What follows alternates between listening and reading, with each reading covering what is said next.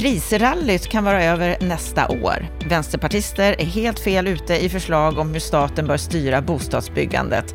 Och Boverkets utredning om att omvandla kontor till bostäder kommer inte leda någonstans. Varmt välkommen till Bopolpodden och till veckans Aktuellt där vi tar upp det viktigaste som har hänt under veckan som har gått. Jag heter Anna Bellman.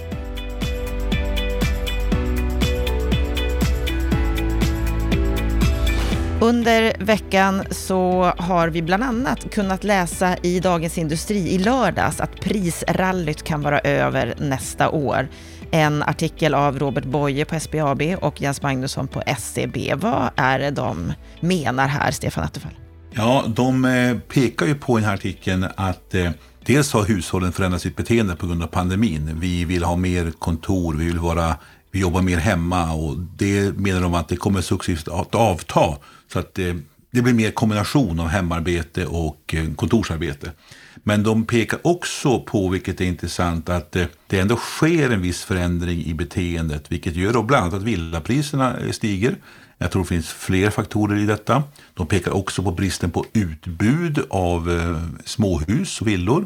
Det byggs för lite, inte minst runt våra storstäder, vilket gör också att priserna pressas uppåt. Och SBAB här i artikeln spår ju också att eh, vi får en 5% kanske uppgång ytterligare av villapriserna under 2021. Men sen till och med spår Robert Boye att det blir ett prisfall 2022 med några procentenheter och eh, han tror att det har en koppling till att de långa räntorna tickar uppåt och det är precis samma diskussion som pågår nu över hela världen kring börskurserna också, att de långa räntorna tickar uppåt. Och det beror bland annat på hur amerikansk ekonomi går, hur eh, stimulanserna av eh, amerikansk ekonomi går för långt, pressar upp räntorna och liknande saker. Så att eh, här ser vi en tendens till att tro att priserna kommer att nått sin peak under 21 och sen så börjar den falla.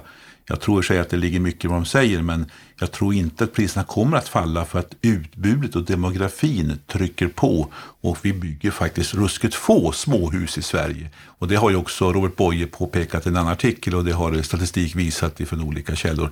Vi bygger oerhört lite småhus och eh, det gör att eh, folk vill ha ett sådant boende och det förstärks av pandemin och därför tror jag inte att priserna kommer att sjunka. Men däremot kanske ökningstakten är över. Mm, så att vi bevarar den här höga nivån ja, som är nu så att säga?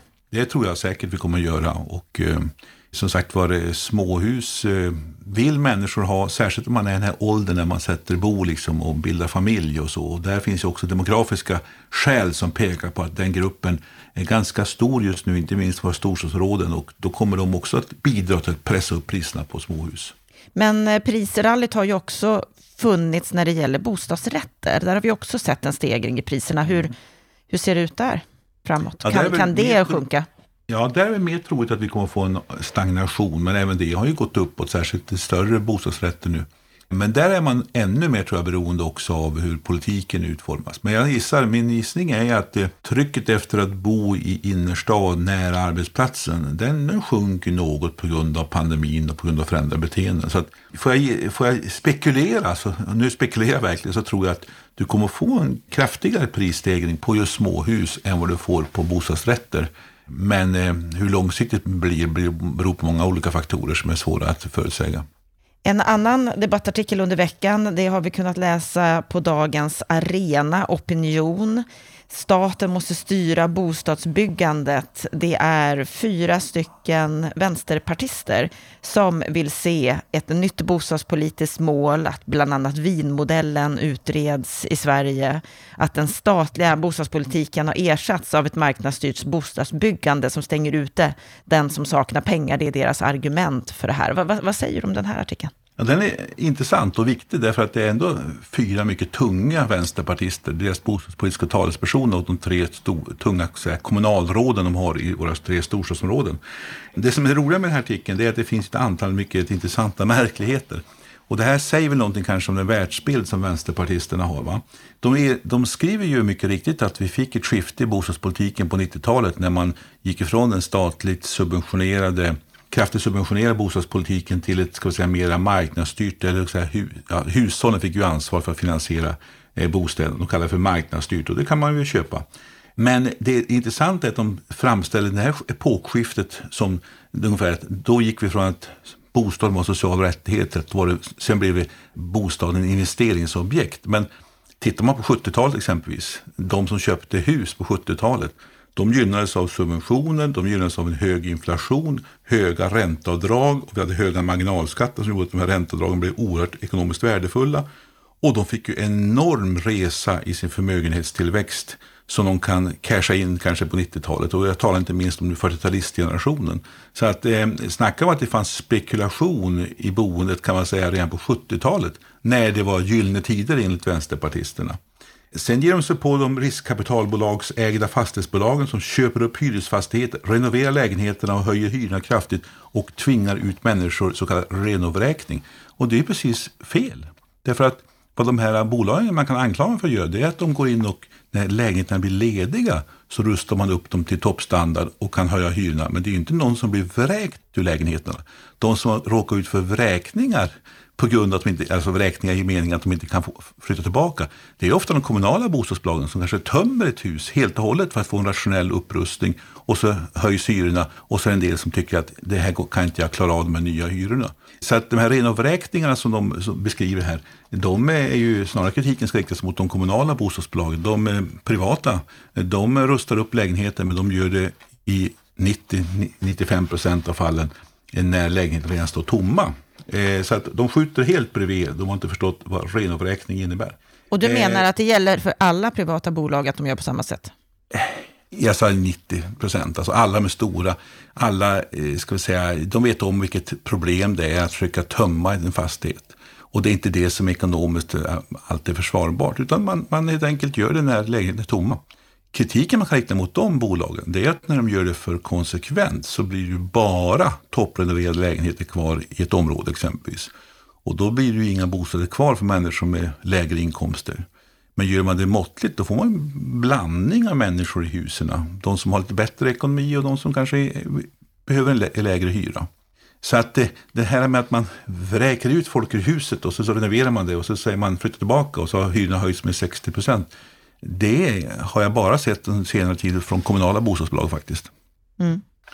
Ja, sen är de inne på, så sig över att borgerliga debattörer säger de, pratar om social housing. Och det är ju jättehemskt. Men så föreslår de att vi ska utreda vinmodellen. Och vinmodellen är en del av det europeiska social housing-systemet.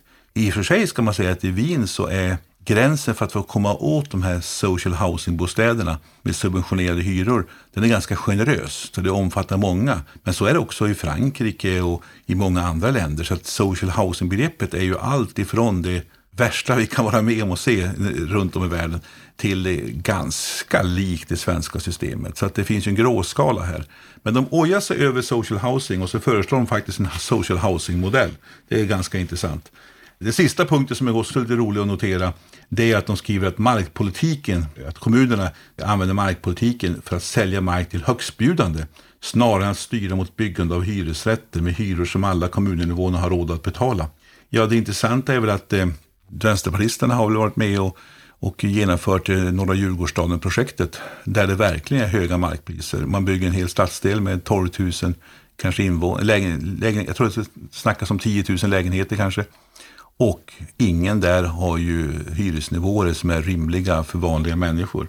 Och det är ju så att eh, om du säljer marken till exempel till en småhustillverkare eller till en bostadsrättsproducent och inte tar ut marknadspris, då kommer ju du bara skänka den ska säga, värdeutrymmet till den som köper första huset. Alltså då subventionerar ju människor. Och kommunerna har ju instrument med tomträtt och liknande saker som man kan använda, vilket man också gör till kommunala, exempelvis, ja, hyresrättsbyggande överhuvudtaget. Så att jag skulle säga så här, de skjuter ganska brett och skjuter ganska snett och har inte alltid ordning på begreppen. Men eh, det låter bra i retoriken att eh, oja sig över marknaden när man själv kanske också delvis varit med och skapat den där marknaden som ibland blir ganska osund. Men finns det någon poäng i det de menar att vinmodellen skulle kunna vara en bra väg framåt för Sverige? Vi gjorde ju en liten så här överslagskalkyl i en rapport som Veidekke gav ut eh, för ett par år sedan och konstaterade att skulle man genomföra vinmodellen med de hyresnivåer man pratar om i det sammanhanget så skulle det kosta statskassan kanske en 30-40 miljarder kronor.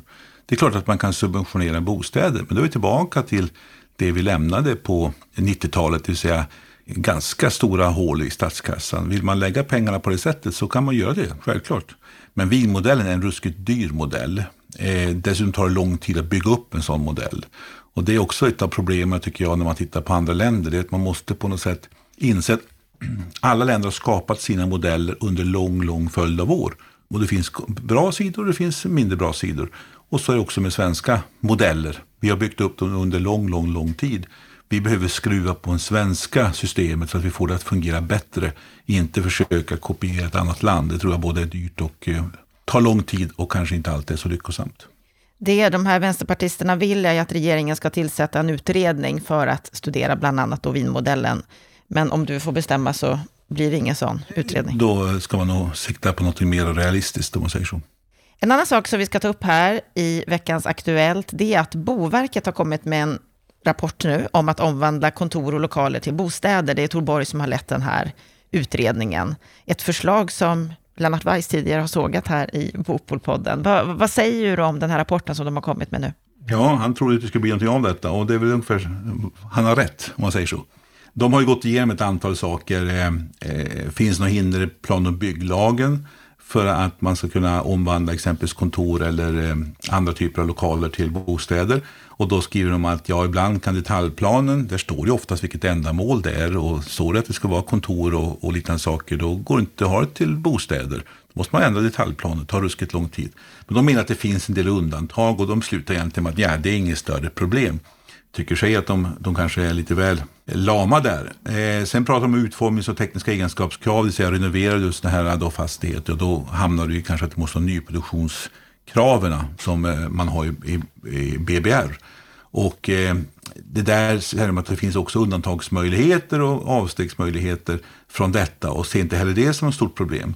Ett problem de pekar på det är ju att många sådana här kontorslokaler och andra typer av lokaler som är för andra ändamål har ju ofta ett djup och kanske mörkt längst in. Och bostäder får inte ha så mörkt. Så att den typen av problem. Och det är klart att det är huskonstruktionen vilket gör det ganska svårt. Sen pekar de faktiskt på en mycket viktig sak också. Det är att momsreglerna är ju i regel olika mellan om du gör det till bostäder där du inte kan ta ut moms på hyran kontra affärslokaler, kontor eller andra typer av lokaler. Då har du momsbelagda hyror och då får du också dra av momsen. Och det innebär ju att fastigheten kan hamna i massa momstrassel. Och det här är ju ett exempel på varför vi måste göra om momssystemet tycker jag, eh, som berör fastigheter. Och det pekar de på mycket riktigt, det kan skapa mycket trassel. Sen pekar de också på att det, det kanske enklaste och viktigaste det är ju bostadsrättsföreningar som idag har kontorslokaler som en gång i tiden var bostäder. Men alltså smygkontrolleras kanske på 60-70-talet. Och de går ju lättare att omvandla nu till bostäder. Och det har ju också gjorts i Stockholm i ganska hög grad i många fall. Men då beror ju det på att det är bättre ekonomi för bostadsrättsföreningen att göra om dem till bostäder än till eh, ha kvar dem som kontor exempelvis. Och det där löses ju av sig själv. Det krävs ju inga utredningar av Boverket. Men då förutsätter ju det att det finns en ekonomi i det hela. Och det är det som är den springande punkten, vilket de kanske inte berör så mycket i rapporten. Det är, finns det ekonomi att bygga om en kontor exempelvis till bostäder? Ja, om det finns ekonomi så, så gör man ju det. Men kan man då ta bort en del tekniska krav och lätta på detaljplaneregler så kanske man kan underlätta den processen. Men där föreslår de inga åtgärder. Så att eh, jag skulle påstå att eh, den där utredningen för landar ungefär som Lennart Weiss gissade på. Det blev ingenting och det som görs, görs ändå. Och eh, det blev en, ett litet arbete för Boverket som jag inte tror kommer leda till någon ytterligare åtgärd. Och särskilt när Boverket inte ens ger sig på det som kanske är det knepigaste. Det vill säga momsregler, detaljplanekraven och eh, de tekniska egenskapskraven. En annan sak som Boverket har arbetat med är att de har kommit med en klimatdatabas. Just det, och det är lite spännande att de som nu är i byggsvängen, både byggbolag och byggherrar, det är ju att vi från och med 22 ska börja klimatdeklarera alla våra nya, eh, det finns undantag, privatpersoner bygger och, och små bostäder och fritidshus och så, men, men i allt väsentligt så ska man alltså, när man bygger ett nytt hus, ska man klimatdeklarera. Och som hjälp för detta så ska man ha en klimatdatabas som Boverket lanserar nu, en testversion av. Och det är ett eh, spännande arbete som jag vill uppmärksamma er på. Så gå in gärna på Boverkets hemsida och läs om deras nya klimatdatabas och Använd den och ge synpunkter, för det här är någonting som kommer att bli stort i branschen. Det kommer att bli både lagkrav men också ett sökande efter att hitta de bästa formerna. Och sen kommer vi få förhoppningsvis så småningom bra verktyg för att jämföra och få en diskussion om hur en byggnads klimatavtryck är, inte bara när den står färdig utan också när den byggs och produceras.